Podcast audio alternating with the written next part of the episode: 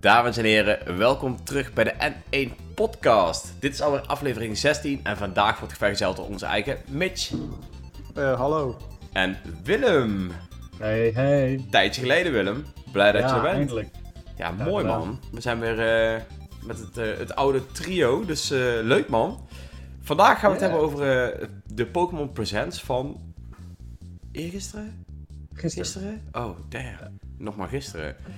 Ja. Ehm, niet alleen de Pokémon Presents, want ook onze hype voor Triangle Strategy gaan we even meten. Want eh, ja, we hebben het er onderling al een beetje over gehad. Dus ik ben eh, heel benieuwd eh, wat iedereen daarvan vindt. En Ja, natuurlijk de, komt sluiting. bijna uit. Ja, ook ja, die komt vrijdag uit. En we, ook een beetje de sluiting van de 3DS en de Wii U eShop. Want het is natuurlijk ook wel, ja, op zo'n moment dat iets gaat sluiten, houdt het ook op. Hè. Dus ja, vervelend. Maar goed. Ik stel voor dat we eerst even gaan beginnen met de, de eh, laatste twee onderwerpen die ik heb benoemd. Want ik denk dat wij heel lang zullen blijven hangen op Pokémon.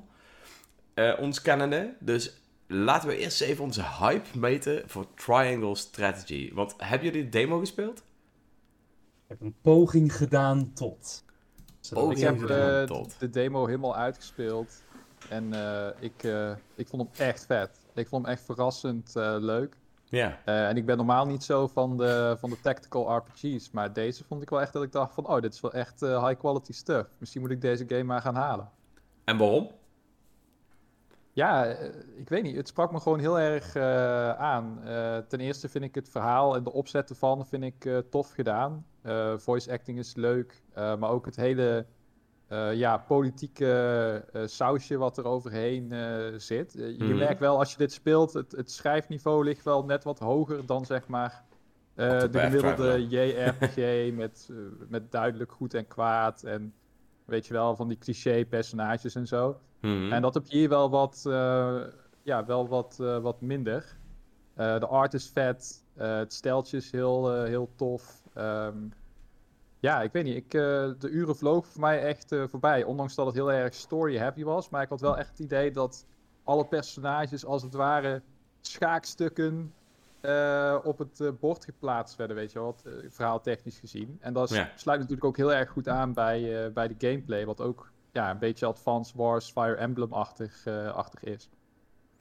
En ja, ik, ik zal trouwens ook eerst even mijn eigen mening geven. Maar ehm, ik was zelf ook wel heel erg, eh, eh, hoe moet ik zeggen, ik werd ook wel heel erg aangetrokken door de manier inderdaad hoe het verhaal verteld werd. En ehm, het was ook leuk dat je zelf kon kiezen van, wil ik meer weten? Hè? Je had zo, het zijn niet echt sidequests, maar je had een hoop eh, extra dingen die je aan kon klikken om meer van het verhaal te zien. Maar die hoefde je niet per se te zien. Je kon het gewoon skippen en doorgaan met het gewone verhaal. Ehm, en ik vond de manier waarop het gepresenteerd werd en ook als er een, een karakter geïntroduceerd werd, dat je op elk moment volgens mij op X kon duwen en dan een biografie van die persoon kon lezen om, om eh, ja, mocht je meer willen kort, weten. eh, kort informatieblokje, zeg maar. En er Ja. zijn heel veel characters, dus dat is heel handig. Iedere keer Ja. als er een nieuwe character wilde, dan drukte ik weer op X. Dan denk ik, oh, even lezen. Ja, even checken van wie is dit en wat doet hij en wat, wat is het belang van die persoon. En dat vond ik ook wel heel tof. Het was, het, was een klein extraatje, maar het voegde wel heel veel toe. En ik denk vooral ook voor mensen die eh, of een heel druk leven hebben, dus niet zo heel vaak deze game kunnen spelen, kunnen spelen zodat ze ook niet zeg maar, vergeten wat er allemaal gebeurt en wie wie is. Want dan heb je in RPG's toch al vlug. Ik heb wel eens dat ik terugkom bij een RPG en dan start ik hem op na, laten we zeggen, een maand of zo. En denk ik, wat fuck was ik ook alweer? Ja, ik begin wel opnieuw. Of ik stop helemaal, weet je wel. En ik denk dat dat wel een dingetje is wat, wat er misschien voor zorgt dat deze game eh, ja, wat makkelijker in leven blijft. Of je, ja, mo- mocht je het minder kunnen spelen of mocht je... Hè? Eh, ja, het is, te- het is tegelijkertijd is het ook heel optioneel. En Ja, eh, de, game is in feite, de game is in feite opgedeeld in drie, nou ja, eigenlijk vier segmenten. Maar die vierde komen denk ik zo nog wel eventjes eh, op. mhm. Maar de eerste drie segmenten zijn in feite, je hebt het verhaal, dus dan ben je gewoon eigenlijk gewoon tekstje aan het lezen en aan het klikken en dergelijke. Ja. Je hebt exploration, dus dan word je in bijvoorbeeld een stadje gezet. En die hele exploration phase, die kun je skippen. Dus als je daar geen zin hebt, dan kan je gewoon meteen bam door naar het gevecht, want dat is de derde fase. Ja. Eh, maar als jij die exploration wel doet, dan kun je allerlei items vinden. en je kan extra gesprekken doen met personages. eh, waarin je ook weer bepaalde gesprekskeuzes hebt die dan hun invloed hebben op het verhaal of eh, ja, welke gespreksmogelijkheden je later hebt. Mhm. Dus ik heb Ja. al die explorations heb ik echt heel grondig eh, gedaan. Ja, Eh, maar ik kwam er alsnog achter dat ik in sommige gesprekken bepaalde keuzes, zeg maar, gewoon ja, eh, geblokt waren, als het ware. Dus die ik niet eens kon zien. Dat ik dacht van, oh, misschien eh, had ik toch nog net wat beter eh, moeten, moeten zoeken. En dat, eh, dat, ja. prikkelt, dat prikkelt mij wel. ja. ja vond ik ook. Want dat is natuurlijk ook die laatste fase waar je het over wil hebben, denk ik. En dat is het, het Ja. maken van keuzes. het is namelijk zo dat je, jij bent een, een, ja, je bent geen koning, maar je bent zeg maar een soort van heer van de koning. En je moet op je avontuur moet je keuzes maken. Maar het is niet zo dat, dat het gewoon is van oké, ik ga links of rechts of ik eh, kies die keuze. Nee, je hebt eh, een, een kleine party, eh, een paar metgezellen en die krijgen allemaal soort van coin. En die moeten zij op een weegschaal gooien. En jij moet proberen om die mensen in je party een bepaalde keuze te laten maken. Dus jij moet door te exploren en meer informatie te vergaren, kun je uiteindelijk dus ook andere keuzes maken om iemand over te halen. Om eh, bijvoorbeeld een bepaalde keuze te maken. En dat vond ik wel Ja. dat vond ik een heel tof element. Dat het, Ja, en Dat- eh, aan het ja. einde van de demo dan wordt eigenlijk de keuze gemaakt van gaan we naar eh, het land van ijs of gaan we naar het land van woestijn, hè, om het heel plat en simpel te zeggen. En sommige partymembers die hebben al een keuze gemaakt en jij kan dan met ze in gesprek gaan om door middel van bepaalde gesprekskeuzes toch te proberen te overhalen van nee, nee, nee, nee, nee. Jouw We broer moeten mag dan wel in de woestijn leven, maar het is politiek beter om toch eerst naar die ijswereld te gaan, want daar Ja. zitten onze grootste vijanden en die zitten... Het is allemaal heel erg nadenken, wat is tactisch, wat is eerlijk, wat Ja. is eh, fijn. En zo kan je zeg maar als het ware zelf eh, een weg door de game banen. Dus ik denk ook niet, het, het komt op mij niet over als een game waarin twee playthroughs hetzelfde zullen, zullen zijn. En dat Maar- vind ik heel, eh, heel nice. Ja, De, de demo sloeg bij mij niet helemaal aan. En dat is waarschijnlijk net de mindset waar ik in had. Ik kwam net uit een hele grote RPG. Dus ik had niet echt zin in Mhm. het hele prinses-kasteel. En die game open. Ik vond hem echt een beetje sloop openen voor een demo zijnde. Dus ik Ja, zat er net niet helemaal in qua waar. mindset. Maar wat ik Mhm. interessant vind aan je verhaal is. Wat, wat het maken van een besluitvolle keuze vaak lastig maakt, of een politiek integrerende keuze, is dat er een zekere mate van druk op je heerst. Voel je ook een soort tijdsdruk tijdens het maken van die keuzes in de demo? Of is het echt, je hebt zo lang de tijd als je wil zoeken naar de alle informatie, de juiste informatie, en dan kun Nou. jij alsnog wel heel duidelijk sturen waar je heen wil. Eh, nou, je moet eigenlijk die informatie van tevoren al gevonden hebben. Het is ook niet zo dat je zeg maar weet naar wat voor informatie je op zoek gaat. Je praat gewoon met mensen en die geven jou informatie. Ik noem maar even iets. Er was bijvoorbeeld eh, op een gegeven moment iemand en die vertelde mij dat ze in een van die twee stadjes een hele grote library hadden met eh, allemaal magics en weet ik het allemaal. Op een gegeven moment, ja, je hebt dus bijvoorbeeld een mage in je party zitten. En daar kun je dan natuurlijk tegen zeggen van ja, maar daar hebben ze een bibliotheek met heel veel magics. Weet je? Dus dat is dan een ding waarmee je die dan over kan halen. Ik noem maar even iets. En het kan eh, iets persoonlijks zijn of iets net waar je iemand net mee kan overhalen. En dat is juist het grappige eraan. En die informatie die verga je gewoon door te praten met mensen. En je hoeft het niet te doen, maar je kan het wel doen. En het is ook niet zo dat alleen dat extra stukje informatie hetgeen is wat diegene over kan halen. Het kan ook gewoon iets anders zijn wat je zegt wat iemand kan overhalen. En dat vond ik wel, Ja, het- eh, het- wel heel het is meer interessant. Dat, eh, het is meer de, de keuzes die je maakt, het zijn wel definitief. Dus je kan dan niet meer eh, terug. Ook al denk je van, oh shit, dat was niet de reactie die ik wilde, maar dan kan je niet meer terug.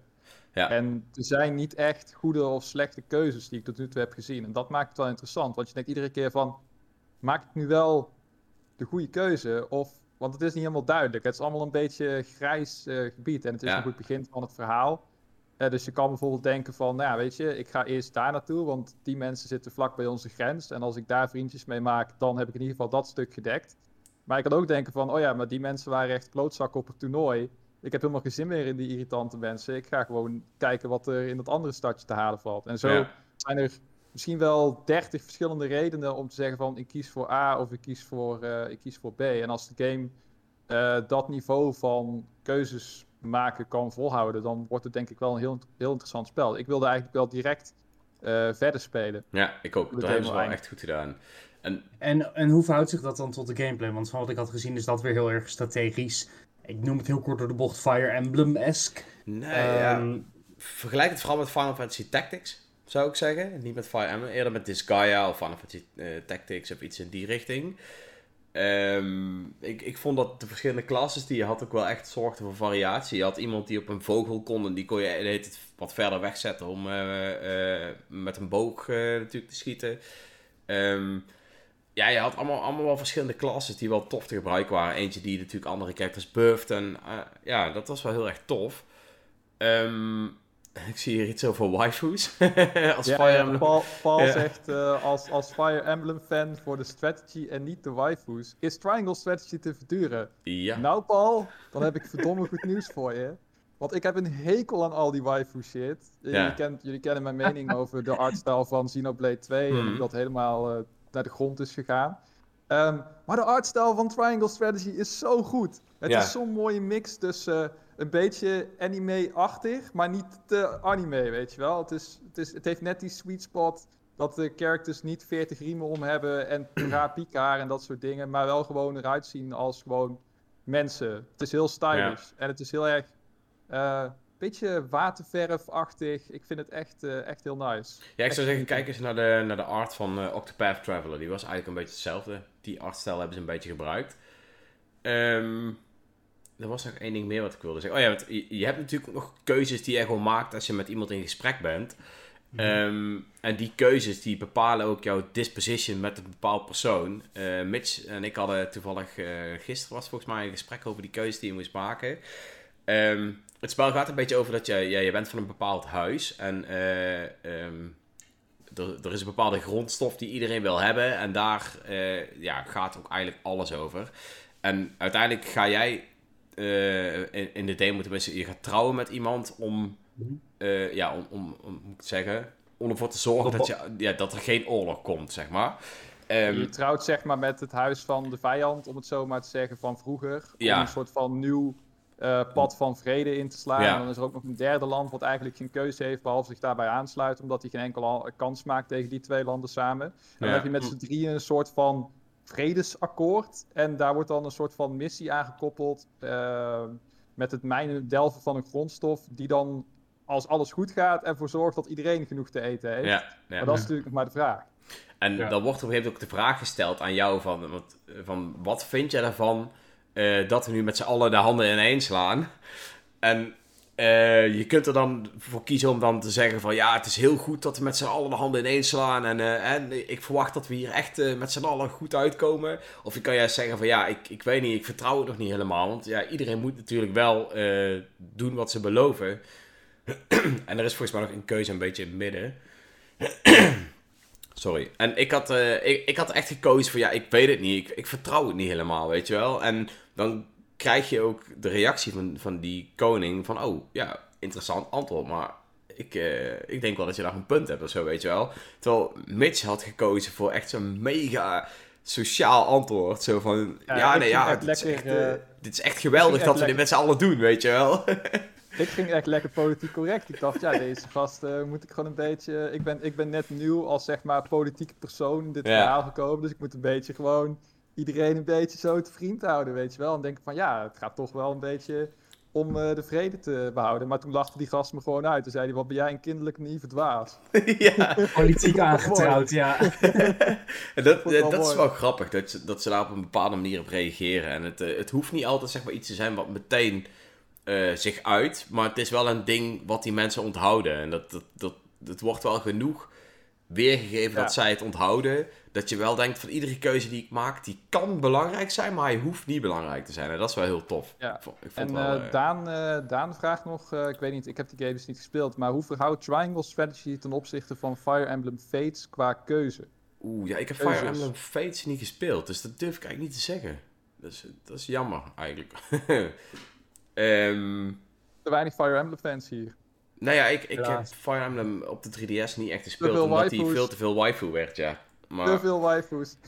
en Three Houses is dat ook nog wel, maar die heb ik wel gespeeld, Ja. die vond ik wel leuk. Ja, En ik nou vond wat het ik ook wel verfrissend, wat ik ook wel zelf verfrissend vind, is... eh, ik heb heel veel games natuurlijk gespeeld en heel veel hebben veel Magic en zo. En hier is ook wel Magic, want je hebt gewoon een mage die vuurballen kan gooien en zo. Ja. Maar in het verhaal draait het wel echt gewoon om ouderwets grondstoffencontrole. En dat vond ik wel, voor dit type game, vond ik dat wel verfrissend. Na zoveel Ja. draken en magiërs en weet ik veel wat allemaal. En magische kristallen en eeuwenoude prof, eh, Het, profetieën. voelt, het voelt tastbaarder. Ja, dit, Het dit- voelt meer grounded, ja, letterlijk. dit, Het Ja. dit voelt was meer zeg maar een iets kinderlijke versie van Game of Thrones. Maar wel Ja. gewoon, ja, ja, dat, eh, dat was wel leuk. Ik, eh, Ja, ik krijg serieus wel Game of Thrones eh, vibes eh, van. Maar dan met minder seks en verkrachtingen en zo. Maar hey, dat is ook wel prima, toch? dat is meer iets voor de waifu gamers. nee, ja, ik, eh, ik, ik was echt positief verrast. Ik heb echt zin om die game eh, helemaal kapot te spelen. Echt leuk. Ja. Nee, Nice. eh, Cheers to dus, that. eh, ik zou zeker, zeker zeggen, Willem, eh geef nog een keer kans. Hij begint inderdaad een beetje traag. Er is heel veel opbouw, ja. verhaal. Eh, de Eens. eerste confrontatie vond ik niet heel boeiend of zo. Maar daarna vond ik het wel echt vet worden. Ja, ja precies. Het, het is ook het voordeel dat je de demo tot like, het derde hoofdstuk kan spelen. Dat is wel echt Ja. flinke chunk Ja. gameplay volgens mij. Dus dat is nog wel de overweging waard. Volgens mij duurde die bij mij vijf of zes uur of zo. eh. Nou, dat is dan best redelijk, ja. Ja. Ja. en je kan ook nog in zo'n tent kan je ook nog twee eh mock eh, missies eh, spelen, zeg maar. Die niet, eh, ja, weet je, officieel zijn, maar meer een soort van practice, challenge-achtige modus. Ja. Ja, Eh, waarin je wel nog steeds XP kan halen en items kan verzamelen. Dus het is meer een soort van extraatje. Dus eh was ook wel leuk. nice. Ja, ik, ik moet zeggen, de demo integreerde in de zin van... Ik, ik heb trouwens Strangle, eh, Strangle Strategy, nee, Triangle Strategy, een beetje opzij Ja. geschoven toen die werd aangekondigd. Ook omdat ik heel erg afknapte op Octopath Traveler en ook met Mhm. name door de demo. Het was gewoon, de stijl van 2D HD trekt mij heel erg, maar de gameplay eromheen en het veel te ehm, overdreven verhaal wat ik daarin proefde in Octopath klikte gewoon niet bij mij. Hmm. En ik, ik had een beetje diezelfde vibe toen ik deze demo startte. Ehm, terwijl in Live Alive, die later dit jaar uitkomt, ik het gevoel heb dat is dan weer helemaal voor mij. Omdat het misschien iets meer, juist meer die lineaire RPG is met verschillende verhalen. Ja, ik weet niet. Het, eh, eh, ik, hoop dat Triangle Strategy uiteindelijk toch door dit soort reacties wat meer mijn aandacht trekt. Maar voor nu denk ik vooral ehm, eerst, eerst, eerst zien waar het schip even en dan misschien later. Ja, precies. Nee, ja, dat snap ik. Ik eh, moet heel eerlijk zeggen, toen ik dus de demo uit had, dacht ik ook van oké, nou ga ik er eventjes op de Path Travel spelen. Misschien kom ik daar toch nog in. En toen heb ik hem gespeeld, dacht ik nee, nee, dit is gewoon niet. Nee, ja, ik, ik kon er gewoon niet in komen. Het was echt, eh, je speelt met acht man verschillende verhalen die allemaal niet op elkaar aansluiten. Dat was het allemaal net niet. En ik heb Hmm. nu wel het gevoel dat het is gewoon één krachtig verhaal waar je een hoop keuzes in gaat krijgen, waardoor het misschien iedereen zijn eigen verhaal wordt. Ja, ik, eh, ik ben heel benieuwd. Ik heb, er, ik heb er echt zin in. Vrijdag is het zover. Ja. Eh, Daan vraagt, wat denken jullie dat succesvoller gaat worden? Triangle Strategy of Live Alive? Oeh, Ik, Ik denk, denk, Triangle Strategy. Triangle ik denk het ook Strategy. Ik denk ook dat, ik, dat het idee dat het inderdaad wat meer... Het, het is een nieuwe game en Life Alive is toch wat ouder in die zin. Dat merk je vooral aan het schrijven vaak en in de manier waarop zo'n gameplay eh, functioneel werkt. Mhm. Um, dus ik denk dat Triangle Strategy voor veel mensen een stuk verfrissender gaat voelen. En dat het ook niet uitkomt in een hele concurrerende periode zal waarschijnlijk ook wel hebben, helpen. Want eh Live Alive komt volgens mij in dezelfde maand uit als eh, Mario Strikers en wat andere Nintendo titels. Dus met het begin maart slot heeft Triangle Strategy ook wel een groot voordeel. Ja, en ik denk met het HD 2D en eh, dat het de makers van Octopath Traveler zijn en dat het al wat aandacht heeft gekregen en twee demo's en dat soort dingen, dat, dat werkt denk ik ook allemaal mee. Ja. Eh, Live Alive, eh, ik hoor daar heel veel goede dingen over. Schijnt echt een hele vette, vette game te zijn. Eh, maar het is denk ik niet een game die op heel veel mensen hun radar staat tot nu toe. Nee. Denk ik. Nee, maar misschien zal dat naarmate de release nadert wel nog kunnen gebeuren. Ik, eh, Ik hoop het. Ja. Ik hoop het. Ik ben benieuwd. Dit is, dit is een van de weinigen waar ik heel erg naar uitkijk. En ik heb dat al heel lang niet gehad met RPG's. Dus goed teken. ja, nice. Tegen die tijd gaan we waarschijnlijk ook weer helemaal belichten in de podcast. Dus het komt helemaal goed. Yes. Ja, Nou, top. Dan stel ik voor dat we lekker doorgaan naar de volgende. Dat is de sluiting van de 3DS eShop en de Wii U eShop. Fuck. Fuck. Fuck. Nee, Ja. dit, doet, dit doet pijn. En Ja, waarom? gewoon- Waarom doet het jou het- pijn? Het, het is frustrerend om meerdere redenen. A, de 3DS is letterlijk nog drie jaar lang geleden, eh, drie jaar geleden in leven geweest. Heeft gewoon nog echt actief support, nieuwe games gekregen toen de Switch al twee jaar uit was. En het voelt krom om nu al die hele e-shop af te sluiten. En ik heb het vooral over 3DS. Wii U is al een paar jaar geleden door iedereen achter het schuurtje doodgeschoten. Uh, dus daar gaat de e-shop niet, niet het ergste lijden. Maar het is vooral dat 3DS heeft zoveel bizar goede exclusieve games die heel veel mensen hebben gemist of die heel moeilijk hier verkrijgbaar zijn fysiek, dat je daarmee gewoon een groot deel geschiedenis afsluit. En Hmm. dat, dat doet gewoon pijn. Het doet pijn dat tot nu toe de enige manier om bijvoorbeeld de Ace Attorney 4, 5, 6 spellen te spelen, kan je alleen in Europa digitaal doen. Tenzij je 4 fysiek voor de DS ooit hebt gekocht. Ehm, we hebben het over games als eh Card Pocket Jockey, die alleen maar digitaal is uitgekomen. Eh, Zelda Twilight Princess Picross is volgens mij ook alleen zo'n fysiek ding. Het zijn van die rare dingen daar, waar de 3DS echt veel meer titels heeft dan je denkt die gewoon super goed zijn. En de Virtual Console wordt hiermee ook definitief de nek omgedraaid. Wat ook best wel een Ja. is voor een aantal mensen. Dat betekent dat als jij ooit eh, N64 games of SNES games wil spelen, dat je ze alleen maar kan, eh, ik zal het met een makkelijk woord zeggen, huren van Nintendo in plaats van het gevoel, gevoel dat je ze een beetje zelf bezit. Ja. Dat is toch wel eh, jammer. Dat als jij denkt van, nou, ik heb al jaren niet Super Mario Bros. gespeeld. Als eerste, wat de hel. Als tweede, dan moet je maar Nintendo Switch Online weer afsluiten. Ja, eh, zo makkelijk En dat is het. precies de bedoeling natuurlijk. Tuurlijk, fina- fi- vanuit financieel oogpunt is het logisch. Alleen als je ziet dat de Wii-shop nog tot 2020 heeft bestaan en de 3DS nu al zo wordt de nek omgedraaid, dat voelt toch wel veel te snel. Ja. Ja? Ja. Ja. ja, weet je, van de andere kant, ik heb mijn 3DS echt al jaren niet meer aangeraakt. Dus de Switch heeft mijn 3DS ook wel een beetje vervangen. Ja, en toch heb ik, ga ik heel vaak in fases dat ik terugga naar oude games die ik niet kan spelen op de Switch. En dan is het hebben van een Switch, 3DS eShop nog best handig. Ik, hier achter mij zie je mijn 3DS collectie. Ik ben Mhm. enorm gaan plunderen de laatste maanden om alvast zo'n library op te bouwen. Ik heb vorige maand in Duitsland in een budgetbak echt vijf topgames voor 5 euro per stuk gevonden. Onder andere Ever Oasis, Dragon Quest 7, Devilish Brain Training. eh, en wat andere games. Dus ik, ik ben heel blij dat ik dat nog op het oog heb gehad. Maar een paar titels weet ik dat ik nu al veel meer geld moet gaan uittrekken. Omdat zo'n digitale winkel sluit. Ja. Dat is heel frustrerend voor mijn fysieke professor Layton verzameling. Oh. Ja, ik- ja. Ja, ik weet niet. Ik, eh, ik, ik vind het vanuit principe kwestie vind ik dat je helemaal gelijk hebt, Wil. Dus het is natuurlijk keizonde. En Nintendo eh, doet wat mij betreft ook veel te weinig aan het behouden van hun bibliotheek. En ook daarmee veel te weinig aan het ontmoedigen van piraterij. Want in feite is de enige manier waarop je sommige 3DS-games nog eh, in bezit kunt hebben dadelijk, of Virtual Console games, is eigenlijk door gewoon te piraten. Ja. En dat is altijd best wel jammer, vind ik, als een producent daar niks aan doet. En eigenlijk zegt van ja, ja, ga maar pirate dan. Maar dat zeggen ze ook niet. Nee, ze zeggen eigenlijk gewoon, je mag het gewoon niet. meer spelen. Je mag Nee, het gewoon niet meer spelen, omdat, Helaas, wij man. het, eh, omdat wij zeggen, ja, maar ik wil je geld geven. Ja, maar hier is een portemonnee. Nee, nee, nemen we niet aan. Nee, het is gewoon En denk- klaar. en denk- het is gewoon klaar. denk- Hou je geld in je zak. En denk aan games die je, die je fysiek bezit, maar nooit kan afspelen. Eh, Mario, Super Mario Bros. 2 had een eh, eh, DLC. Dat kan je niet meer opnieuw downloaden. Fire Emblem Fates, het laatste deel, kun je gewoon niet krijgen. Als je hem niet nu digitaal koopt. Oh, Want ja. de enige manier om die te spelen was met de fysieke Collector's Edition, die nu like honderden euro's kost. Eh, dus je moet ook nu actief je games nagaan van zijn er nog DLC's of dingen die ik moet downloaden als ik dit ooit wil naspelen. En dat is ook wel. Dat Ja. is nu, weten we er in ieder geval van tevoren van, maar zo'n jaar is.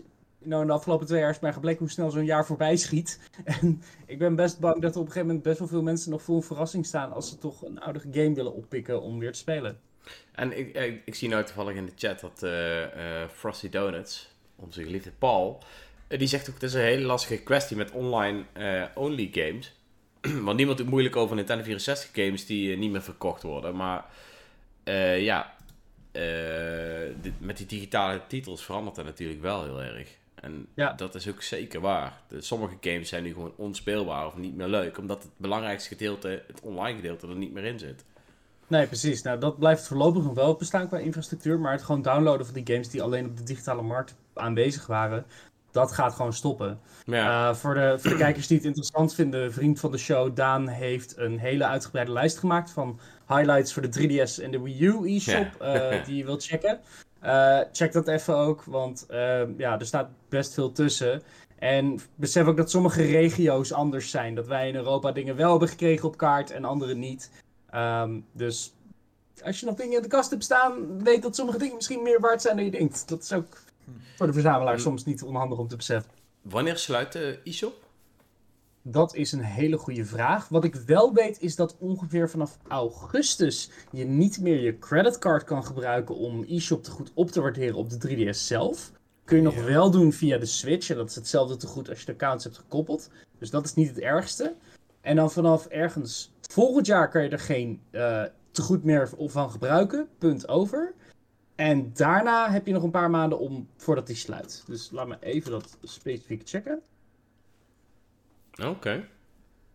Eh, even kijken. In maart 2023 zal de 3DS eShop ophouden met bestaan. Dus dat is nog een En jaar.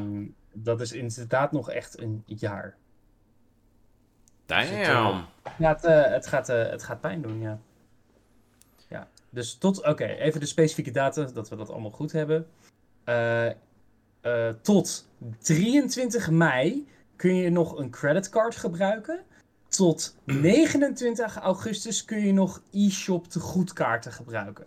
Maar als je e-shop tegoed dus gecombineerd is met je Switch-account, of je hebt een Switch-account met je Ja. e-shop, kan je dat goed gewoon nog steeds gebruiken. Dan wordt je funds verdeeld over beide. Dus dat is even belangrijk om, om in het achterhoofd te houden. Ja, we zullen het missen. 100%.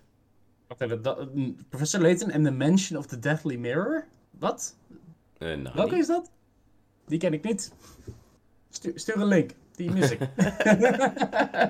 Iemand mist iets. Oh-oh. Iemand mist iets, ja.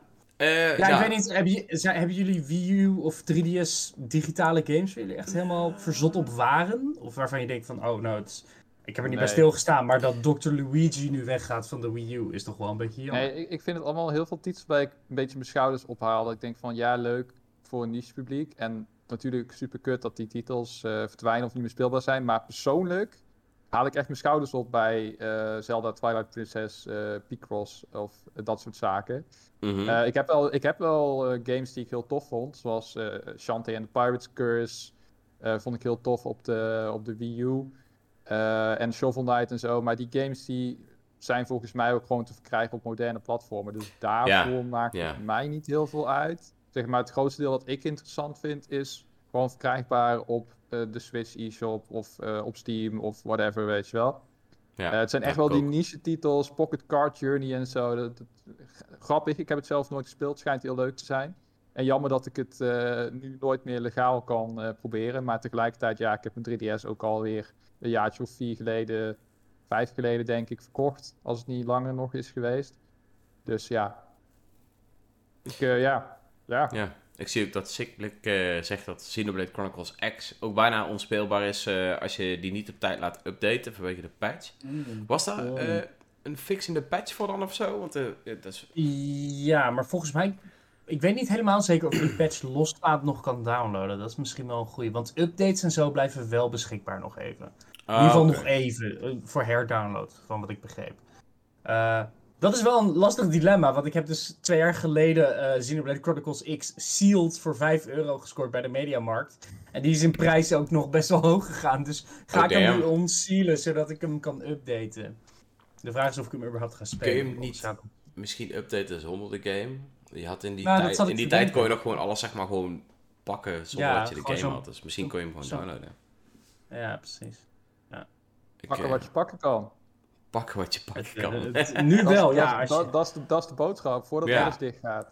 en alles duurder wordt. Als je nu denkt van, nou, ik twijfel over die game. Als je een fysieke kans hebt en hij is betaalbaar, doe het. Want eh, als die digitale winkel dicht is, gaat alles in prijs omhoog.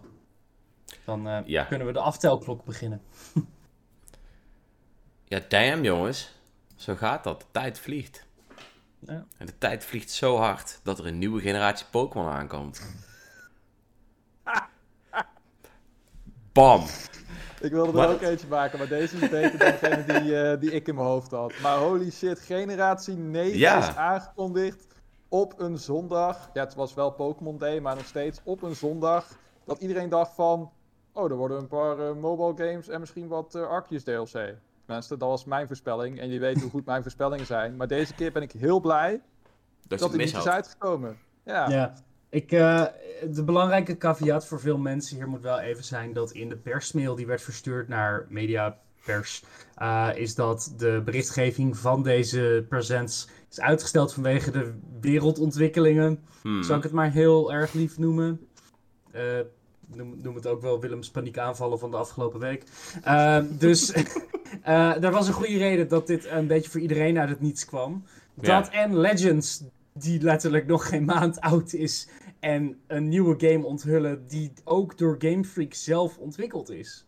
Wat ik misschien denk van, oh, hmm, iemand heeft zijn familie lang niet kunnen zien. ja. ja, dat is wel heftig, maar wat vonden we ervan? De eerste beelden.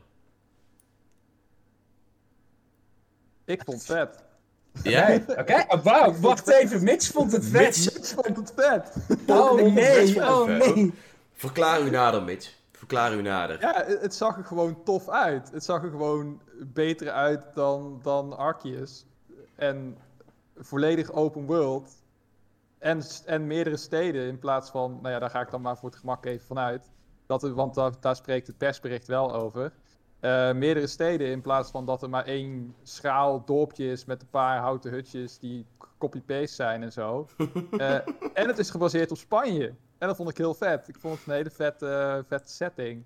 Dat mediterraanse, dat zonnige en dat, uh, die pastelkleuren, scarlet en, en violet. Hmm. Het, het, kwam op mij heel fris over. En Arceus was natuurlijk ook al fris. Maar Arceus was tegelijkertijd een beetje stoffig. Omdat het gebaseerd was op het oude Japan. En er was niet zoveel veel en de wereld was leeg. En dit ziet er echt uit als een soort van modernere interpretatie daarvan op meerdere fronten. En dat spreekt mij zeker wel aan. Als iemand die Arceus zelf uh, geskipt heeft. En eigenlijk al niet meer enthousiast is geworden van Pokémon sinds de aankondiging van Arceus. Maar toen het net iets meer Monster Hunter. En nu denk ik van, oh, dit, maar dit is een traditionele Pokémon. Met hopelijk de verbeteringen van Arceus daarin doorgevoerd. Dat het minder rigide voelt en uh, ja, meer richting Arceus zit qua flow en qua snelheid en qua al die mhm. dingen die Arceus goed doet. Uh, dan met dat houtklazen gedoe van Sword and Shield. Ja. Dus ja, ja. Ik, uh, eerste indruk goed. Eerste indruk fris. eerste indruk Mitch verrassend positief. Damn, Mitch. Dat, zijn we niet voor jou verrassend, eerlijk gezegd. Uh, ja, want jullie, uh, jullie, hadden, jullie waren wat minder hyped? Nee, nee, ik ben, ik, ben, uh, ik ben positief, maar de verrassing is vooral, ik ben verrast. Ik ben verrast dat Gen 9 dusdanig in ontwikkeling was dat ze toch gaan mikken op dit jaar. Um, ik vind het idee van inderdaad mediterraanse regio, duidelijk geïnspireerd op Spanje, vind ik heel erg tof. Uh, zeker toen ik die eerste stad zag en dacht, oh ja, ik ben in Barcelona geweest. Dit is Barcelona, super cool. Um, dat geeft toch wel een beetje een vette vibe.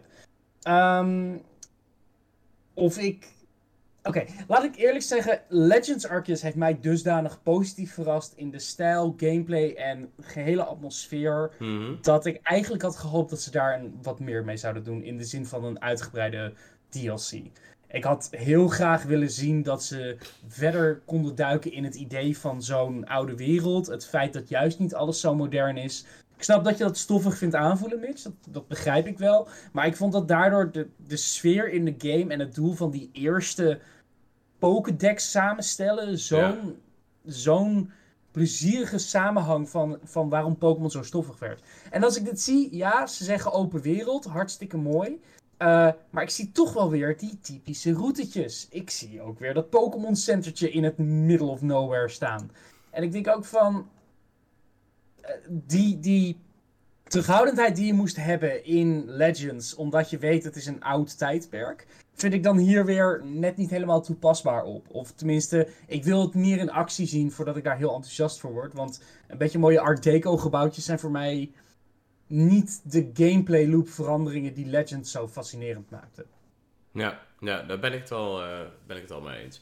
Oké, ik denk dat ze wel heel veel zullen leren van de flow van Legends. Hè? Want in Legends ging het zo makkelijk uh, een gevecht in, zonder dat... En dan drie uur verder en dan begon het gevecht. Dus die dingen die leren ze sowieso. Maar eh, inderdaad, ik ben wel heel benieuwd of dat de gameplay loop weer gewoon hetzelfde wordt als bij de oude games. Want als dat is, dan hebben ze eigenlijk voor mijn gevoel niet heel veel geleerd.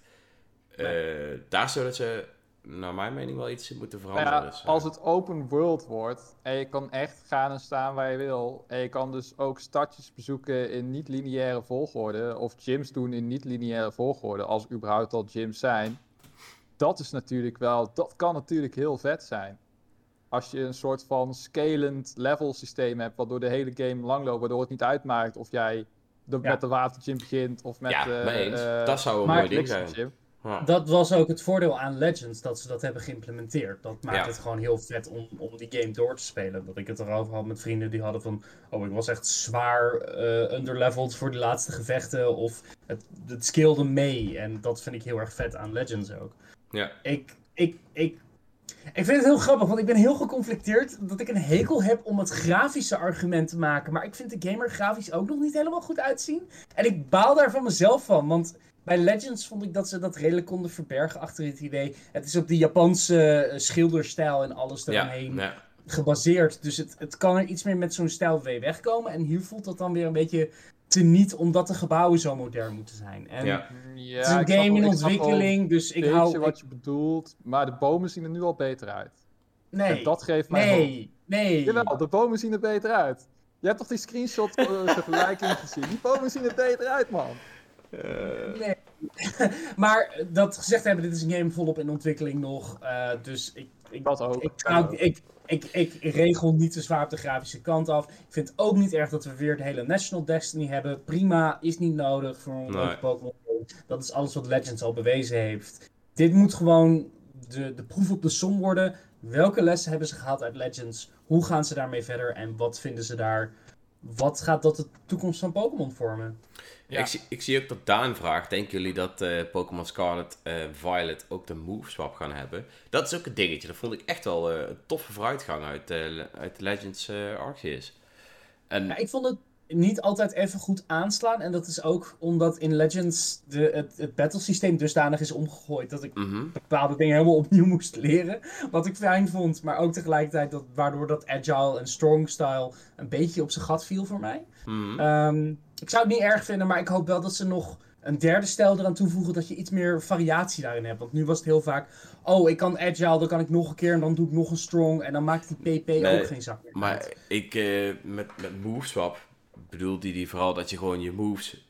Eh, in, Oh, de- in de- ja, in de Oh, oudere eh, games oh, le eh, oh, lezen ja. af, zeg maar. Nu is het gewoon van, yo, Terug. ik swap ze. Ja, en dat vond ik een, ze echt wel eh, terugbrengen. Het heeft ook veel meer meerwaarde om dat in een game te stoppen die ook nog in multiplayer gespeeld wordt. Dus ze zijn echt Ja. gek als ze dat eh, niet doen.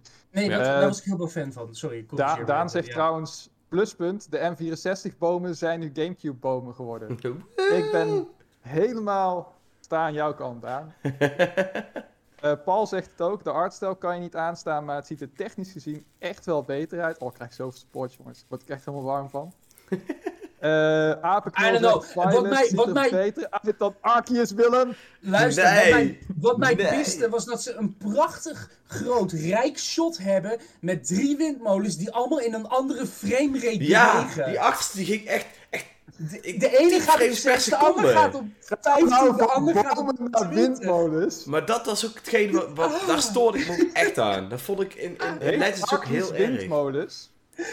Heeft so hebben Sword and Shield windmolens? Nee, dus dat kunnen we helemaal niet vergelijken. Het is een Maakt totale niet uit. andere engine. De Maar wel een windmolen engine. framerate Maar, een ja, maar framerate dat, te zien. dat was ook wel goed dat je dat zegt, want dat was ook wel het ding in de trailer waar ik me meest aan irriteerde. Dat die achterste windmolen die ging echt met eens 6 gezien. frames per seconde of zo. En daarna waren het er 15 en toen pas 30. Ja, ja, dat is ja. zo Maar- raar. Maar, oké, Ik geloof ik vergelijkingspunt, dat hadden we bij Legends in de eerste trailer ook met de framerate van de Pokémon. En dat is Ja. ook uiteindelijk best goed gekomen. Dus ja, Ja. we ja, het nou, eer- ontwikkeling, we zien het wel. Ja. En Sick Blik snijdt nog een goed punt aan. Hij zegt, het komt waarschijnlijk ook omdat de Sagrada Familia en de Park Güell eh lookalikes een stuk kleurrijker zijn en daarom meer vragen. En dat heb ik wel. De kleuren zijn allemaal een stukje warmer, ze Mhm. knallen Ja. meer en ook dat vind ik zelf, ja, vind ik er zelf heel tof, eh, tof uitzien. Dus dat kan ook een beetje persoonlijke voorkeur eh, zijn als je de coolere kleuren van Arceus vetter vindt of de warmere pastelkleuren. En wat dat betreft is dit ook wel het perfecte contrast op, eh, op Arceus. Waardoor het Ja. niet aanvoelt als, oh, weer een Pokémon, we hebben er ja. net nog één gehad. Nee, daar heb je ook zeker wel een punt. En dat vind ik ook wel, dat spreekt me ook wel aan aan dit idee van de regio. Ik denk inderdaad de essentiële vraag van dit alles is. Ja, is wat van worden de jullie nieuwe starters? mond. Dreon. ik, Kleur eh bekennen, jongen. ik vond die, de, de kat alleen niet zo leuk. Maar de andere twee Pokémon's vond ik echt top. Ik twijfel nog steeds welke, welke ik eh, mee ga beginnen. Ik moet Stol de- tegen de- je hoofd, naam noemen nu. Ja, ik weet de naam al niet meer, joh. Die hadden echt moeilijke namen. Ik ga Vuur, ze nu Zullen we ze even alle drie... Ja, eh, vuur. Het is eh S- Spriga- Sprigatito Sprigatito, en Fuecoco en Quexley. Ja, ik ga denk ik wel voor die Fuecoco. Ja, ik ga ook voor Fuecoco. Hij doet me denken aan een soort vuurversie van Totodile, maar dan dikker. Ja. En dat vind ik vet. En of het nou een krokodil wordt, of een slang, of een draak, of whatever. Het kan hopelijk deze keer wel gewoon een fatsoenlijke, leuke derde evolutie zijn. Dus Ja, ik zet mijn, eh, ik, ik, zet mijn, ik zet mijn kaart op eh Fuecoco. Ik, eh, ik, ben ook, ik ben ook team Fuecoco en ik ben ook heel blij dat Baby Yoshi nieuw werk heeft gevonden. nice. Ik, eh, ik moet zeggen, eh Quaxley wordt de grond ingeklaagd, eh, aangeklaagd door Mickey Mouse. Want Ja. niet alleen eh, lijkt hij op Donald Duck, maar in het Duits is zijn letterlijke naam ook nog Quax. ja, klopt. Dus laat het even inzinken, hij heet Quax in het Duits. Echt heerlijk. En eh Sprigatito heeft het niet voor mij. Ik vond het wel leuk, mijn vriendin heeft helemaal niet zoveel met Pokémon, behalve de eerste generatie. En ze zei, deze deden er wel weer denken aan de tweede generatie. Ja. En dat herken ik wel een beetje in die vibe. En ik vond de vergelijking met Totodile die jij al maakte ook wel best toepasselijk. Van, ah ja, ze zijn wel lekker simpel, maar direct herkenbaar iconisch, zoals een starter hoort te zijn. Um, het, waarschijnlijk eh, worden het uiteindelijk allemaal menselijke vormen en veel te onnodig Ik hoop sexy. het niet. Ik hoop het niet. Ik hoop dat ze een keer, dat ze een keer niet op twee poot eh, gaan staan. Dat zou wel verfrissend zijn. Ja, die Quaxley wordt een piraat, denk ik, man. Dat moet bijna wel. Oh, ik, mijn, mijn, mijn idee is een conquistador. Die gaat gewoon eh, iedereen Ja. Die gaat gewoon het land overnemen. Die gaat. Ja, ja. En Sprigatito, eh, geen En als je dan zegt van, hé, hey, Quaxley, even normaal doen, dan zegt hij, je hebt nog niet genoeg badges om deze Pokémon eh Ik, de les te leren. ik, zag, eh, ik zag iemand ook al, de Quacks, die had hij geëdit eh, als een Donald Trump lookalike met wit haar en een Oh stropdas. god, nee. En dat, dat verpest hem ook voor de rest van je Oh. leven. Dus inderdaad. eh Was het Quaxley, Quaxley Gumshoes 2024. Nou ja, ik, Ja. eh, ik hoor wel dat, eh, ondanks dat ik had verwacht dat we hier wel een discussie over gingen krijgen, dat het allemaal best wel eens zijn over de starter. Eh, Ehm, ja. Eh, Sick Blik zegt nog dat eh Fuecoco een beetje op de rode peper en de paprika geïnspireerd is. Wat natuurlijk een van de belangrijkste ingrediënten is in de Spaanse cuisine. Vind ik ook wel een leuke. Andere mensen zien er een appel in. Ja, dus het is maar net, eh, het is maar net Ja. wat je psychologie eh, is en waar je mindset is. Het is of Het is een maar appel, net- of een peper, of een totodaal, of een Yoshi. Ja, Baby Maar dat zijn Yoshi. wel allemaal dingen die ik tof vind. Dus hey, allemaal, allemaal positief. Ja. allemaal positief. Ik ben Ja, helemaal als- positief. Als Shiny Fuecoco niet groen is, ga ik rioten. Dit is voor mij misschien wel gewoon een beetje de Sonic Cycle. Weet je wel? Van hé, hey, er wordt een nieuwe Pokémon aangekondigd. Het ziet er gewoon een keer goed uit. Het is overbeeld. Het wordt vet. Bla bla bla. En dan komen er langzaam nieuwe beelden. Oh, er zijn weer paadjes. Oh, je moet alle steden in een vaste Mhm. volgorde afgaan. Oh, er is weer een leme rivaal. Die eigenlijk helemaal geen rivaal is. Maar gewoon een soort van onderbroek jochie is. Wat je in ieder stadje komt stalken met dezelfde drie zinnen. En de motivatie dat hij toch echt beter gaat worden dan jou. Tegelijkertijd je wil helpen. Want dat doen rivalen. Fair enough. Maar even terugkomen op onderboekjochie. Hoe geweldig de Pokémon zijn. Hoe verschrikkelijk ik de trainerdesigns vind. Ja, Ja. Dat is wel echt een nieuw dieptepunt voor mij persoonlijk van... Oef.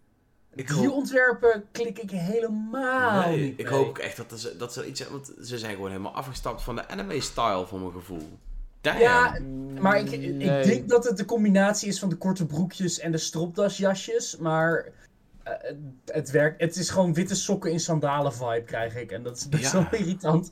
Waarschijnlijk komt customization wel weer terug. Dus ik kan er snel Het is, nog steeds, het is nog steeds wel een beetje generic blank slate eh, anime zoals Pokémon altijd geweest is sinds ze 3D gegaan zijn. Eh, maar inderdaad, de outfits ben ik niet helemaal een fan van. Ik heb ook niet het idee dat Ja. je echt een, een ouder character speelt of zo, dat wel echt weer kindjes zijn. En dan Ja. lees ik tegelijkertijd dat het een avontuur is voor alle leeftijden. Dan denk ik van ja, maar had dan die character misschien net iets meer Nee, gemaakt? Maar die, Maar goed. die, die trainers zijn echt wel, eh, als je, ik zie niet toevallig screenshots te bekijken, maar heel, de, eh, heel het gezicht is ook gewoon helemaal veranderd. De manier Ja, van... het, is echt, eh, het lijkt wel veel meer op de, op de huidige stijl van de anime. En dat vind ik op zich wel weer interessant. Die is gewoon ook een stuk ronder en een stuk toegankelijker als je kijkt naar hoe Ash en de rest is getekend. Ik weet niet, ik zou gewoon een keer leuk vinden als je gewoon een Pokémon krijgt waar je zegt van, hé, hey, hoe oud wil je zijn?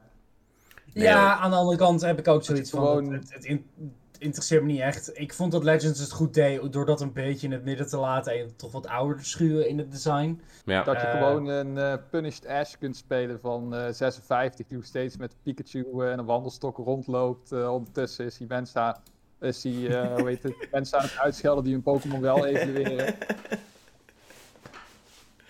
Ik, ik zit daar niet op te wachten, maar dat is ook omdat ik denk, ja, ik snap ook wel waarom. eh. Nee, maar dat het kan, Willem, dat het kan, dat zou mooi zijn. Ik wil Ja. gewoon dingen kunnen in Pokémon, Willem. Ja, ik wil geef mij de keuze om aan te zijn. Gewoon Daarvoor hebben al die mensen, willen. daarvoor hebben al die werknemers daar niet hun familie drie jaar niet gezien. Dat jij keuzes kan maken. Zij geen keuzes, wij ook geen keuzes. Is Er, mo- er, moesten, er moesten 60 nieuwe Pokémon komen. 60? Maar even... eh, ik, ik vermoed dat het niet veel zullen zijn. Ik, eh, ik heb van eh, een vriend van mij gehoord die zegt... Over drie jaar is generatie 10 en dan heb je de duizendste Pokémon. En dat vind ik op zich wel Ja. reëel. Als je nu zegt van nou, de nieuwe trailer laat nog geen nieuwe zien. We hebben alleen de starters en de terugkerende gezichten. Also, ik moest even gillen. Weer Combi, weer Drifbloom, weer Starly. mhm. Nee, ik heb, ik heb al vijf van die kutbeesten gevangen in één jaar. Niet nog een keer. Haal ze weg. Er moet even een ban komen op alles Gen 4. Ugh. Maar even, even voor jullie, want we hebben natuurlijk gameplay technisch nog vrij weinig gezien. Maar wat verwachten jullie? Wat verwachten jullie dat de game gaat overnemen van eh, Legends? Eh, wat gaat die overnemen toch wel uit de oude games? Ik, ik verwacht vooral een nieuw spelelement. En ik denk dat dat iets te maken zal hebben met archeologie. Omdat in de live-action eh, beelden zie je heel veel van die ontdekkingsreiziger-achtige museum. En, elementen. Er hangt een oude kaart van, eh, van Spanje aan, eh, aan de muur en er staan zoveel dingen in. Ik denk dat als game trailers of eh, Good Vibes Gaming dat kapot gaat analyseren, dat er echt heel veel naar voren gaat komen van, oh, en dat wordt dan later een gameplay element. Zo, dat, dat gevoel heb ik een beetje. Ja, mijn, mijn aanvankelijke idee toen ik de trailer zag was... Oh shit, Pokémon gaat eindelijk naar Narnia. Maar eh, Een het soort is... piratenvibe of zo, treasure hunting, eh, Indiana Ja. Jones, iets in die trant, zeg maar. Ah, Oké. Ja, ik, ik weet niet hoe ze dat zouden implementeren in, in een, eh, in een design-wise gameplay-stijl. Dat is het enige. Als in Mega Evolution lag redelijk voor de hand. eh eh, Dynamaxing is ook nog wel redelijk. Ik weet niet wat je nu zou kunnen introduceren om het weer iets heel nieuws te geven. Ja, als het helemaal open world gaat, dan ligt het natuurlijk voor de hand dat je goede rewards wil voor eh, Voor exploration. Ja. Dat het echt moet eh, lonen om dat ene grotje achter de waterval eh, te vinden. En misschien, Ja. kun je, misschien gaan ze wel deze keer voor iets met van... Je kunt je Pokémon equippen met bepaalde eh, wapens of armors of schilden. Ik denk dat armors misschien nog het meeste voor de hand ligt. Want dan heb je een soort van... Oh, vind je de Pokémon met armor lelijk? Nou, dat hoeft niet. Maar als je het wel vet vindt of als je wil winnen in een gevecht... dan kan je bepaalde Pokémon armors geven of iets in die, eh, iets in die trant. Zoiets zie ik wel ja, zoiets zie ik wel gebeuren. Dat je een beetje de Pokémon meer kan customizen. Of, en dit, dit bedenk ik nu letterlijk uit de pols. ehm, we zijn voor het eerst sinds generatie 2 weer terug bij kleuren. Mhm. Is het niet raar als je een soort kleurpalet kan geven aan een move waardoor je de properties verandert? Scarlet, Oké. Violet, dat je, dat je inderdaad of zo een Pokémon een bepaalde kleurmood kan geven en dat daarmee het stats beïnvloedt bijvoorbeeld. Ja, wie weet. Dat zou, Het is, eh, Dat zou- dat- dat zou eh, ook nog kunnen. Alleen klinkt net wat Oh ja, minder spectaculair of zo. Dat het iets te Ja. low-key klinkt om echt de grote vernieuwing te zijn. Ja. Dat is mijn eerste reactie. Ja, ik weet niet. Het, het is vooral ik ben verrast dat ze terug zijn gegaan naar kleuren voor het eerst in, in lange tijd qua Ja. titels. En dat daarom de logo's er ook zo verschrikkelijk slecht uitzien. De logo's zijn echt heel lelijk. Vooral Echt, Scarlet. Normaal Ja. gesproken ga ik altijd voor Scarlet, eh, rood en zo. Maar dit rood met gele en dan zo raar opgeblazen uh, grootte ten opzichte van het Pokémon logo. deed. vind het, Cooltext.com wil een royalty. ik vind het er heel raar eh, eh, uitzien, alsof het een beetje in een middagje in elkaar gepaint is. Eh, wat dat betreft vind ik Violet wel iets beter, maar ook nog niet echt dat ik zeg van, oh, dit is wel echt een vet, eh, vet logo. Robin Oh, ik vind. Ja, Robin, dat is een hele goede. Scarlet, het begin van de regenboog. Violet, het einde. In het begin zie je over die stad een regenboog hangen. Ah. Dat is een hele goede. Dus had zou heel goed iets met eh, kleur te We maken krijgen, rainbow, we krijgen rainbow Pokémon. En je ziet ook die Oh, rare yeah. Ja, en je ziet ook die hele kleuren spectrum terwijl die dat, eh die Gent dat eh museumpje binnenloopt, eh, of die kamer, in het begin, eh, het live-action deel. Ja. Nou, eh, jongens, daar hebben we iets te pakken. Ja, ho, ho, voel ho. het Paul, Paul, eh, Paul zegt de derde game is de kabouter Pokémon met de pot met goud. ja, want wie denken, Green. wa- wat, wat, voor le- wat voor legendaries, wat voor box eh, legendaries Oeh. verwachten we voor deze generatie Pokémon, gebaseerd op wat we weten van het thema en de kleuren en wat we net allemaal een beetje hebben besproken. Wat, zou dat, wat, voor mythologisch, wat voor mythologische beest kent Spanje überhaupt? Hallo, als het geen stier is, dan weet ik het ook niet meer, jongens. Ja, dat is een hele voor de hand liggend inderdaad. Is, is er een mythologische stier in Spanje? Nee, mm, dat weet ik niet. Hebben we know. Spaanse mythologiekenners in de chat? Het, eh, het- de stier is wel het nationale dier van Spanje. Ja. Ja, een ezel Ehm. inderdaad. Zie je ook wel veel. Ik wil een ezel. en Bordo. Ik, ik wil Ja. een ezel. Geef, geef, mij maar een, geef mij maar een ezel. Helemaal, helemaal, helemaal kan ik mee inleven. Hebben we niet al een e- We hebben volgens mij... Hebben we... Nee, we hebben nog geen ezel-Pokémon, of wel? Ja, het Mudbray. Oh ja. Ja, die telt niet. Die was ik al even vergeten. Kan beter. dat, kan- dat kan beter. Dat wie zat niet in Gen dan. 1, telt niet. Wie weet. Ik eh, ken niemand die zegt Mudbray is mijn favoriete Pokémon. Niemand. Nee. Nee, ja, maar ze kan ik er nog wel tien opnoemen waarvan niemand zegt dat is mijn favoriete Pokémon. Klopt, dus Maar- daarom zeg ik, doe, doe nog maar een poging om dat beest interessant te maken. Ja, ik ben benieuwd. Ik, eh, Ja. Ik weet het echt niet. Ja, als het voor de hand ligt, is het de stier of zo inderdaad. Maar ik ben even aan het denken, Spaanse mythologieën. I don't know. Misschien iets met Aztec, of zeg ik dan... Nee, dan ga ik volgens mij de hele andere Nee, kant dat, op. eh, Dus uh, nee. Latijns-Amerika, Zuid-Amerika en zo. nou, Quit zover now. mijn mythologische kennis. Nee. Eh, eh, ja, de, de eh, eh, Sint Joris en de Draak is ook een Spaans verhaal in, in zekere hoogte. Dus Oh ja, ze zeggen Hmm. dat eh, die, die Fire Pokémon en die Chinese dierenriem, Firestarter en Chinese dierenriem, dat schijnt ook een ding te zijn. Dat daar alle eh, dingen, iedere keer komt daar een, een beest uit de Chinese dierenring. Je hebt al een tijger gehad met, eh met Incineroar en zo. hmm. Ah, Eh, ja. En nu verwachten mensen dat de slang eindelijk aan de beurt gaat zijn met eh Fue Coco. Dus dat is ook misschien een leuke inside scoop voor de mensen die het nog niet gelezen hebben. Dat je denkt van, aha, dat hoorde ik al op de N1 podcast. Als we dat eindelijk gaan onthullen Ja. over eh, negen maanden of zo. En veetjes en trollen zijn ook heel eh, duidelijk aan eh, Spanje gekoppeld. Dus eh, dat kan ook eh, werken. Ik hoop eigenlijk vooral, en dat is net een beetje Mexicaans, maar goed, Pokémon schuwt niet weg om wat dingen altijd in de mengpot te gooien. Wat goede Ghost en Dark Pokémon voor Dia de los Muertos. Ja, dat Oh is ja, wel- ja, eh, dat is Daar, vet. daar, eindelijk een vet. levend skelet. Ja, kom maar door. zou nice zijn. Dat is vet. Ja, Ja. dat... eh, Ik zie ook iemand zeggen Minotaurus, maar dat is wel echt eh, Grieks volgens mij. Ja. ja, ja, ja, ja. En krokodil, koko, krokodil. Ja, dat werkt, eh, dat werkt ook allemaal wel heel goed. Ik, ik ben ieder geval Ja, heel. Ik eh, Ja, laat me ehm, verrassen. Ja? Het, eh, het, is, eh, goed, eh, het is interessant om te zien dat daar in ieder geval beweging in zit en dat ze lessen lijken te leren. De vraag is waar het naartoe gaat. Maar de grote vraag is nu natuurlijk: denken wij met Pokémon aan het einde van het jaar dat Breath of the Wild 2 nog steeds 2022 gaat halen? Nee! Nee! Breath of the Wild wordt hem niet. Breath of the Wild 2 wordt maart 2023. Right in the fields. En dat is ook omdat Bayonetta... Ja, Xenoblade heeft al een datum volgens mij. eh, ja, september waar- volgens mij toch? September? Ja, september ergens. Maar Ja. je hebt nog Bayonetta in de achtergrond lopen. Je hebt nu Pokémon definitief in november. Eh, Oh. wat, wat hebben we nog meer? Ja, het is, Mitch, why you do this to me? bizar druk aan het worden. Het is een eh, mooi eh, druk switchjaar inderdaad. Ja, maar als hij nog wel komt, is het wel echt zeg maar het jaar wat 2017 gaat toppen. Dus ik hoop dat hij gewoon komt dat boom. Je gaat, je gaat mij vertellen dat we niet een mainline Mario spel dit jaar krijgen? Hé hey jongens, Ja. we moeten wel iets bewaren Oktober, de E3. ok- oktober is nog leeg en Mario plus Rabbids heeft ook nog geen release datum. Maar die verwacht Dat zal wel oktober worden de dan. zomer. Nee, die Nee, zal wel oktober worden.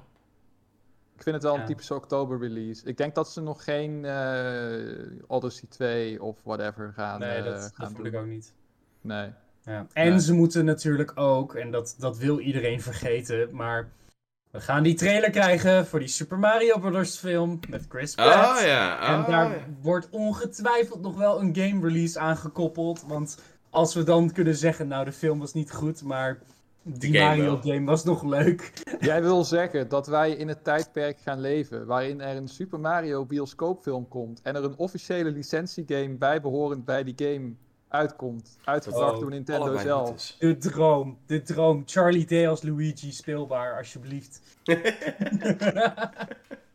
Ik, eh, ik ben heel benieuwd. We gaan het zien. Damn, ja, die film, die gaat ook nog komen. Ja. Het, eh, het, het is een goed gepakt jaar. Maar nee, Breath of the Wild persoonlijk, ik, ik heb dat al heel lang gebruld. Wordt niet dit jaar. Ik, eh, ik ga daar niet vanuit. Ja, mijn raam is zojuist ingegooid, dus ik eh Maar de, maar, de Matrix 4 is wel nog steeds vorig jaar uitgekomen, Willem. En dat had Ja. je ook niet verwacht. Maar die heb ik ook nog niet gezien. Dus op zich is dat ook nog allemaal een leugen. Dat is wat ze willen dat je denkt. Precies. Ja, ik ga alleen maar huilen. Nee, misschien wordt het wel leuk, kom op. Misschien wordt het wel leuk. Het is Je wel krijgt sowieso een. Zelda-game dit jaar.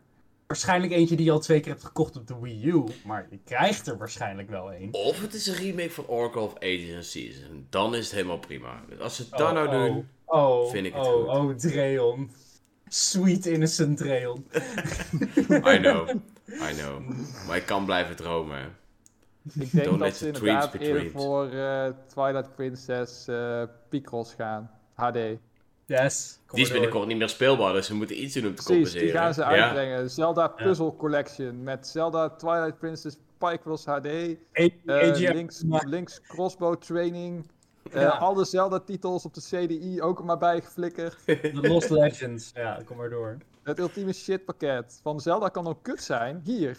AJ Numa, AJ op de camera. Ja, sorry mensen, Breath of the Wild 2 wordt hem niet. Ik ben helemaal gek op Picross. Dus jullie gaan dat nu ook worden. Tingles Picross lanceert november 2022. Oh ja, Tingles Rosy Rupee Land. Die mag Oh ook ja. nog, Oh eh, ja, kom maar door. bij. Kom maar door. Ja, Ja. ja, ja, ja. Gaan wij ja. de Super Mario film ook reviewen? Ik heb dips op de review voor die film. Nee. Ik heb Nee. mijn, mijn filmwetenschappen diploma betaalt zichzelf niet terug, maar verdomd als ik hem ga inzetten. Een kritische Nee. deep dive van de Super Mario Bros. film. Just know. Just know. Ik denk dat we daar nog wel om moeten gaan strijden wie die film eh, graag heel vlug wil zien. Nou ja, Ik zou veel oh, nieuwtjes schrijven de komende tijd, eh, Willem. Dan komt het helemaal goed. ja.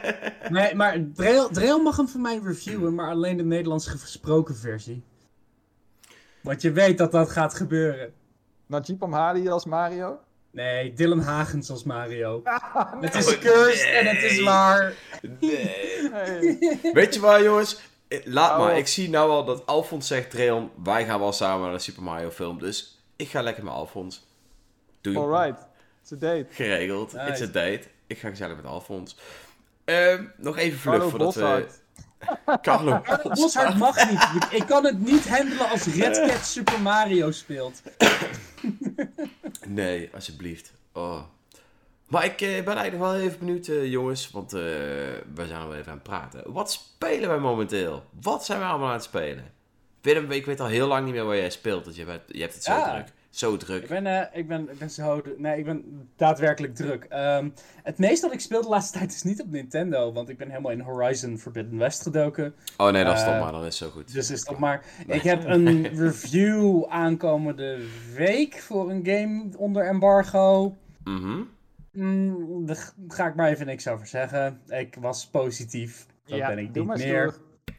En ehm, Mhm. het, is- het is niet triangle strategy.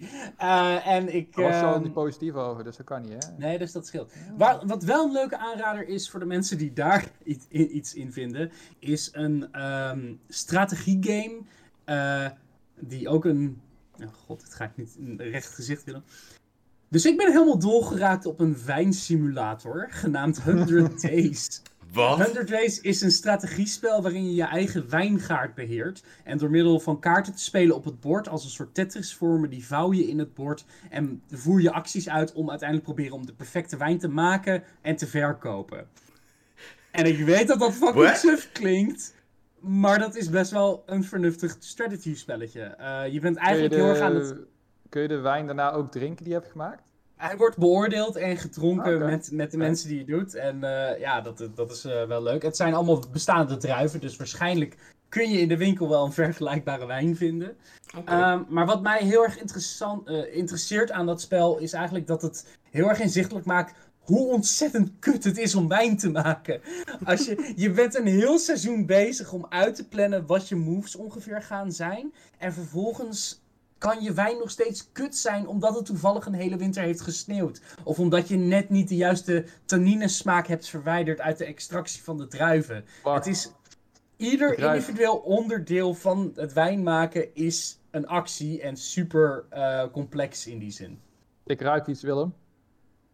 Is dat RNG? Oh, oh, het is RNG. Het is een vleugje RNG. Het is ook dingen waar je invloed op kan uitoefenen. Ehm, maar ja, nice. ja. Het, is, eh, het heet 100 Days eh, voor de geïnteresseerden. Ik, eh, 100 ik doe days? 100 days, 100 Oké. dagen. En dat is omdat als je nou 100 dagen nog geen perfecte wijn hebt, dan word je... Nee, dat is, eh, ik heb geen idee waarom het 100 days heeft. Eh, maar het is een eh, leuk spel, erg aan te raden als je zoekt naar iets casuals. Het is ook op telefoons, wat waarschijnlijk nog een betere manier is om te spelen. En later, volgende week, doe ik een review en een special voor ergens anders. Met een interview met mijn moeder, want die is vinologe, professionele wijnproever. Dus Boom. ik ga vragen hoe accuraat is dit spel en wat de hel maakt het uit of ik mijn druiven stamp of pers. Dat wordt. eh dat Nou, mogen Maar dus een review elders. van jou en je moeder eh, verwachten. Absoluut. Nice. Ja. Hey, en als je De ooit comments- echt goede de wijn fixt, zullen dan vast wil ik hem lief, wel. lief zijn. Als ik echt goede wijn fix. Ja, als je Ja. ooit goede wijn fixt en hem in het echt kan fixen, doe mij er maar een paar. Die gaan lekker in de wijn. Ik kan je altijd advies geven eh, via mijn moeder. Oké. Uh, nice. Dreon, we hebben een persoonlijk bericht van eh Apenknul. Ja, Eh, niet om Dreon jaloers te maken, maar ik wel. stiekem is Willem ook wel mijn druifje. ja. Ik heb nou, ook Willem, die zoveel kan je, in ballen. je zak, die kan je in je zak steken. alsjeblieft Willem. Alsjeblieft. Thanks. Ondertussen pik ik eh, een traantje weg. Ehm, nu jij het had over positief. Ik was ook heel erg positief vorige week. En dat heeft ervoor gezorgd dat ik een week thuis zat. En in die week... in die week heb ik eh, Pokémon Legends Arceus eh, gespeeld. Blijkbaar in eh, drie dagen tijd. 32 uur. Dus die heb ik ook in één keer uitgespeeld. Lekker. Ik weet niet wat het is. Maar ja, echt, echt tof. Ik, voor mij was het echt... eh, omdat ik ook die tijd had, was ik ook helemaal hooked. En eh, dat was vet. Daarna heb ik de demo van Triangle Strategy er doorheen gegooid. Toen kreeg ik even vlug zin om Fire Emblem Three Houses te spelen. Die ben ik nou aan het spelen. En dan eh dadelijk Triangle Strategy. Daar heb ik echt zin in. Zin in. Nice. Mhm. En eh ja, ja, gewoon vet. Gewoon, gewoon leuk. Even lekker, lekker, ongegeneerd veel gegamed. Dat was echt goed. Nice. Nice. Nice. Ja, dus Ja, eh, dat heb ik gedaan. Welke house heb je gekozen? Ik heb eh, pff, de rode. Oh, hoe heet ze ook alweer? Edelgard. Edelgard. Ja, die heb ik gekozen. Blijft toch wel de leukste. Ja, dat blijft wel echt toch wel de leukste. 100%. Black Eagles, dat was het. Nou, Ja. Dreon, dat gaat echt van kwaad tot erger. Apenknul die eh, gunt je nu ook al nog meer positiviteit. Ja, nice. Nice, dankjewel, eh Aapknul. Eh, zodat je een week met Kirby op de bank kan. Ja, ik snap het wel, want dat is een game waar ik ook echt niet naar uitkijk. En misschien als ik daar dan tijd voor krijg om die game lekker te spelen, ga ik hem dan wel lekker spelen en er ook van genieten. Maar ik ben nog steeds niet overgehaald. Dus eh, jullie hebben de volgende podcast nog de tijd om mij over te halen. En daarna is het klaar, want dan is de game Jij gaat gewoon lekker op de bank zitten, Kirby spelen, in co-op, met je vriendin, terwijl je vriendin je de beste druiven Mm. voert die door Willem geselecteerd zijn. Terwijl Oké. ondertussen je allerlei lieve dingen appt. En dan heb jij een topmiddag. Ja, Ja, maar dan moeten we hem aan het einde van het jaar afhalen van de gedachte dat Kirby beter was dan het vervolg op Breath of the Wild. Oh, wacht, die komt toch niet die meer, komt laat toch niet maar. meer, dus eh, nee. Maar goed, Xenoblade 3 komt wel. En dat wordt voor mij sowieso Game of the Year. Dus het maakt er niet meer uit wat er allemaal verschijnt. Switch is live. Lekker makkelijk. Nice. Dus eh, ja, dat is wat ik eh, momenteel speelde en speel. Ik ben ook echt een beetje aan het wachten, weet je. Heb je dat, heb je dat niet... eh, hebben jullie er ooit zo'n moment dat als je zin hebt om een game te spelen...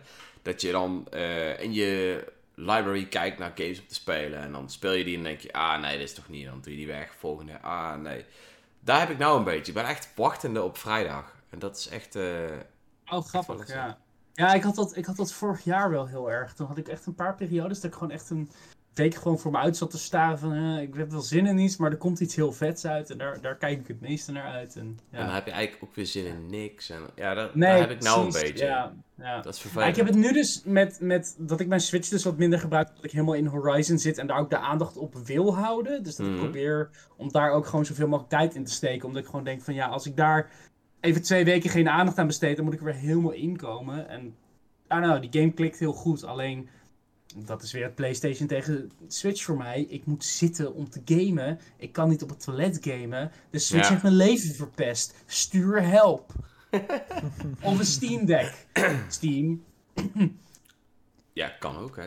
Nee, maar eh, ja, ik, ik heb er wel echt zin in. Ik had ook echt zin om Elden Ring te spelen. Maar nou, wat jij dus al zegt, je wil op een gegeven moment wil je focussen op een game. En ik denk als ik Elden Ring speel, dat ik me niet kan focussen op Triangle Strategy. Dus dan wacht ik maar even. Want ik, ja, daar raak ik ook in verdwaald in Elden Ring. Weet ik nou al. Dus.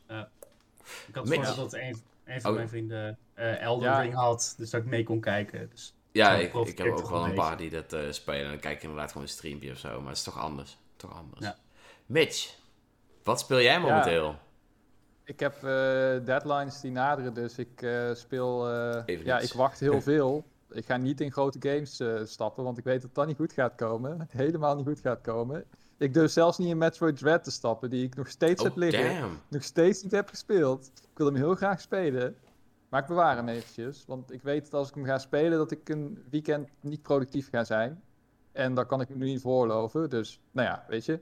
Het is niet alleen het spelen van zo'n game, maar als je echt in een game zit, als je een game echt vet vindt, als je de lore echt vet vindt, dan ga je ook artikelen op internet erover lezen, Ja, dan ga je forums lezen, dan ga je wikis lezen, whatever, weet je wel. Mhm. En dan denk ik van, oh, zo had ik de verhaal nog niet bekeken. Oh, vette analyse. Oh, voor je het weet ben je weer een halve middag verder. Heb je allerlei YouTube-video's gekeken. Dat vind ik ook onderdeel van die hype en die ervaring van echt gewoon een vette game spelen die je echt, eh, ja, waar je echt lekker in kan duiken. Eh, dus dat ga ik niet doen, momenteel.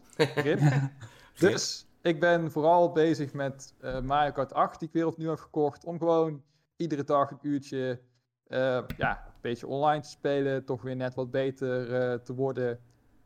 Ik heb heel veel mensen van de N1-groep al helemaal kapot gemaakt. De afgelopen keer. Een van die Helaas mensen komt dan met een heel goed ding. Want die zegt, Dreon, moeten we ook een Rick-actie op Mitch invoeren door met Metroid Dread spoilers te gaan dreigen? Ik meen dit niet, hè, jongens. Ik, eh, ik meen het niet. Ik, Mario, ik, ik Mario Kart graag met jullie. Het is echt leuk. We, we, we maken allemaal kans om te winnen. We zijn echt, de een is niet beter dan de ander. mooie redding, mooie redding. Het gaat om meedoen, niet om winnen. Kijk, ja, dat zegt elke verliezer. Nou, nou, nou, Willem. Moet je nou weer zo doen, jongen? Wanneer jij een keer mee, Willem? Hè? Hè? Met je praatjes. Eh, ja, ik weet niet, mijn gameplay staat op het Nintendo YouTube kanaal. Dus ik, ik, ik heb al gewonnen. oké, oké. Oké, board. eh, interessante eh, brag. brag, inderdaad. Ja. Ja. Interessante brag. Ja, interessant. Nee, ik interessant. denk, ik ga wel eens een keer meedoen als ik, eh, als ik eh, Tijd is mijn grootste Ja, vijand op het Er moment. komen, er Hebben we komen nieuwe banen, nieuwe oude banen aan. Dus eh, Hmm, hmm. Ja, dat, ik moet zeggen, dat trekt mij wel helemaal terug eh, met de DLC. Dat, eh, ik heb natuurlijk de direct, was ik er niet bij eh, voor de podcast. Hmm. Maar eh, ja, dat, eh, dat ziet er erg interessant uit. En ook fijn dat die gratis is bij de Expansion Pass. Eh, dus eh, die ga ik zeker spelen. ja, nice. Dan zien we je op het veld. Op het veld. Meneer, eh, ik sta op het Nintendo YouTube kanaal. Hè? Hè? Weird flex, but oké. Weird flex. Ja. Dat noem ik een blauwe schildermagneet. Eh, daar heb ik een sticker van nodig op Instagram. WhatsApp. nou ja, nice. Ik, eh, ik denk dat het er was. Tof oh ja, dat, is eh, goed dat Paul het... eh, nee, Paul zegt het nog eventjes. Oh, ja? Mocht je dit luisteren. eh, vrijdag gaan we weer Mario Karten. Oh. eh, met de mensen van de N1 Discord. Eh, dus join ook zeker de N1 Discord als je dat nog niet hebt gedaan. De gezelligste Nintendo community van Nederland. We spelen regelmatig Ja. samen en het is altijd leuk en gezellig en de sfeer is goed. Dus als je Nintendo vet vindt, join ons en kom gezellig potje Mario Kart. Boom. En versla Mitch of Willem. doen. Met allebei een grote mond. En ook in de Discord vind je Coconut Mall met de beste deals van Nintendo. Oh ja, dat is ook Probeer hem weer bij te houden voor de mensen die wij eh, hebben gemist tijdens de afwezigheid op vakantie. Eh, we, we, ik plaats weer zoveel mogelijk deals. Dus eh, check de Discord. Dus Willem is weer op volle toeren met deals spotten en delen. Hey jongens, ik wil jullie in ieder geval bedanken voor het aanwezig zijn bij de podcast. En natuurlijk ook alle kijkers slash luisteraars bedanken. En eh, over een goede twee weken zijn we weer bij jullie terug. Hopelijk na nog een direct of nog meer nieuws, want de laatste tijd is het knallen. En eh, dat is mooi. Maar ik ben er bang voor dat het niet zo gaat zijn. Hey, wie weet. Ik zou zeggen, tot de volgende keer. Later. Later! Doodles! Doei.